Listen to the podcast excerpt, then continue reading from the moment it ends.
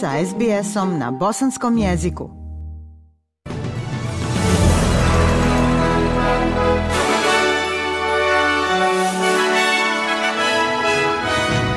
U današnjim vijestima poslušajte australski letovi za evakuaciju 200 putnika iz Izraela sletjeli u Dubaji. Muškarac poginuo u požaru na sjevernoj obali Novog Južnog Velsa. I u sportu nogometna reprezentacija Portugala porazila ekipu Bosne i Hercegovine rezultatom 5 naprama 0. Još dva leta pod pokroviteljstvom australske vlade sletjela su u Dubaji, prevozeći skoro 200 putnika koji se evakuišu iz Izraela. Zamjenik premijera Richard Miles kaže da je 96 državljana Pacifika bilo među 194 osobe u avionima, jer Australija nudi pomoć građanima iz te regije. Gospodin Miles kaže da u ovoj fazi više nema organizovanih putovanja. Vjerujemo da ovi letovi zadovoljavaju trenutni zahtjev Australaca da napuste Izrael.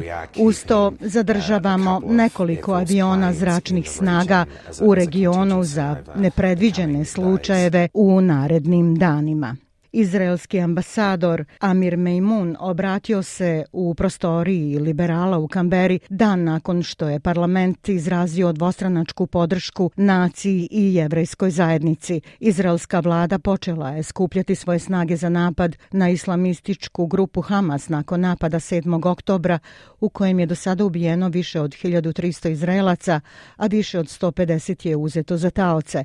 Ambasador kaže da cijeni podršku Australije i da Izrael Izrael ostaje posvećen odbrani. Uh, Jedino što ću reći pred kamerama je da od 7. oktobra u 6.30 ujutru, a bio sam u Izraelu kada je Hamas napao narod Izraela na južnoj granici, mi smo u ratu, ratu koji nismo započeli, niti smo ga tražili, ali smo odlučni da pobjedimo.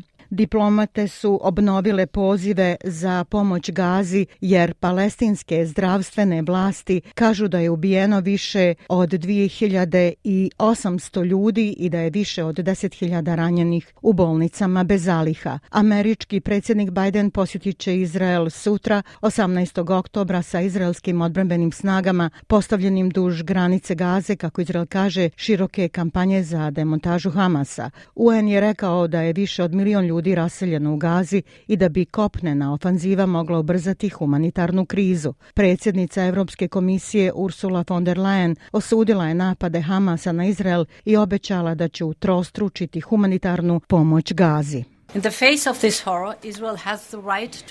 Suočen sa ovim užasom, Izrael ima pravo da se brani u skladu sa humanitarnim i međunarodnim pravom. Upravo sada palestincima u Gazi je potrebna humanitarna pomoć. Oni ne mogu plaćati cijenu za Hamasovo barbarstvo. 56-godišnji muškarac poginuo je u požaru koji je zahvatio imanja na sjevernoj obali Novog Južnog Velsa. Policija te države kaže da je tijelo muškarca pronađeno na imanju 30 km zapadno od Kempsija. U jutrošnjem požaru oko puta Bili Bili izgorjelo je više od 10.000 hektara i požar je van kontrole s upozorenjem o oprezu nakon što su vatrogasci radili cijelu noć na njegovom suzbijanju. Komesar ruralne vatrogasne službe Novog Južnog Velsa Rob Rogers rekao je za ABC News da je smrt tragičan podsjetnik koliko požari mogu biti smrtonosni. Jučer je taj požar uh, zapadno od Kemsija, požar na putu Vili Vili pokazao svu strahotu i stvorio dosta nestabilnosti u atmosferi. Opasnost u tom području je smanjena, ali još uvijek ima vatre i požar je još uvijek aktivan. Nova analiza pokazuje da su biračka područja na referendumu s najvećim udjelom autohtonih australaca snažno podržala ustavnu promjenu. Od deset biračkih mjesta s najvećim brojem autohtonog stanovništva prema podacima popisa, njih devet je odgovorilo za. Samo 40% Australaca podržalo je prijedlog, a glas nije uspio dobiti većinu ni u jednoj državi. Senatorica Sjeverne teritorije Melandiri McCarthy kaže da će laburistima trebati neko vrijeme da procijene svoj sljedeći potez. Uh,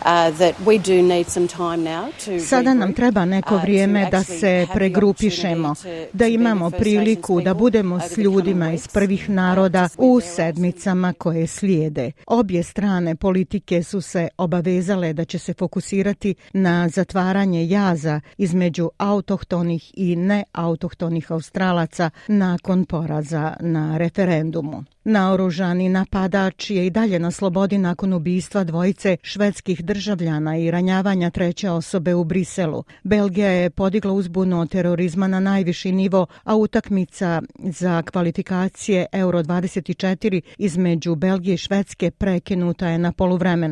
Belgijski mediji emitovali su amaterske videosnimke na kojima se vidi kako muškarac ispaljuje nekoliko hitaca u blizini stanice u ponedjeljak naveče, dok je na videosnimku na društvenim mrežama muškarac tvrdio da je napadač i da je pripadnik islamske države. Ovaj očevidac kaže da je odlazio s radnog sastanka kada je začuo pucnje. Nisam vidio ni jednu žrtvu, ali tu je bila osoba koja je direktno pala na zemlju. Onda mi je u tom trenutku neki čovjek rekao da izađem i da je veoma opasno, povukao me za ruku i mi smo pobjegli. Države i teritorije Australije složile su se oko sporazuma o finansiranju sektora obuke u kojem će se 12,6 milijardi dolara potrošiti na rješavanje nedostatka kvalifikacija. Ministar za obuku i kvalifikacije Brendan O'Connor kaže da je nacionalna vlada potpisala sporazum o proširenju i transformaciji pristupa sektoru stručnom obrazovanju i obuci. On kaže da će glavni dio sporazuma biti partnerstva između TEIFA, univerziteta, vijeća za poslove i vještine i industrije s naglaskom na pružanje vještina za industrije kao što su proizvodnja, čista energija, sektor brige i digitalizacija. Ministar kaže da Australija ima nedostatak kvalifikacija u ovim oblastima s kojima se mora suočiti. U stvari, lista zanimanja za 12 mjeseci koja su u nedostatku sa 153 zanimanja prešla je na 286 za 12 mjeseci. i to naglašava izazove s kojima se suočavamo. Izbjeglice su ove sedmice doputovale iz cijele Australije u Kamberu kako bi zatražile da im privremene vize postanu trajne. Konvergencija izbjeglica u Kamberi počinje danas sa izbjeglicama iz grupe od 12.000 s privremenim vizama ili bez vize. Grupa protestuje zbog privremenog statusa koji im omogućava da rade i plaćaju porez, ali im uskraćuje pravo da glasaju ili pristupe nekim uslugama podrške.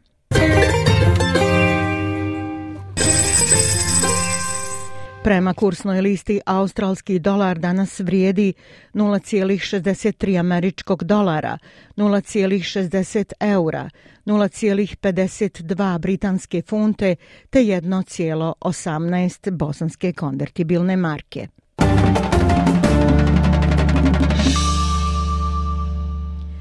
Vijesti sporta. Nogometna reprezentacija Bosne i Hercegovine pretrpjela je sinoć u Zenici težak poraz u duelu s ekipom Portugala. Utakmica se igrala u okviru takmičenja u grupi J kvalifikacija za evropsko prvenstvo u futbalu u Njemačkoj naredne godine, a rezultat od 5 naprama 0 za Portugal ostvaren je još u prvom poluvremenu. Šanse Bosne i Hercegovine za plasman na Euro 2024. su ovim porazom potpuno nestale.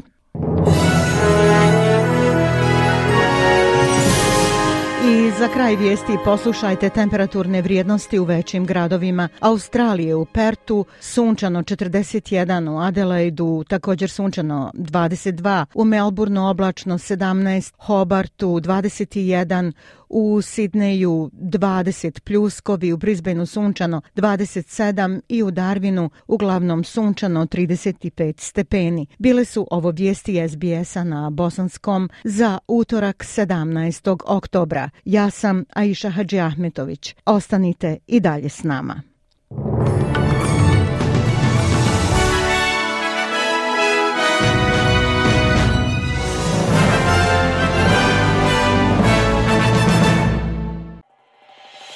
SBS na bosanskom.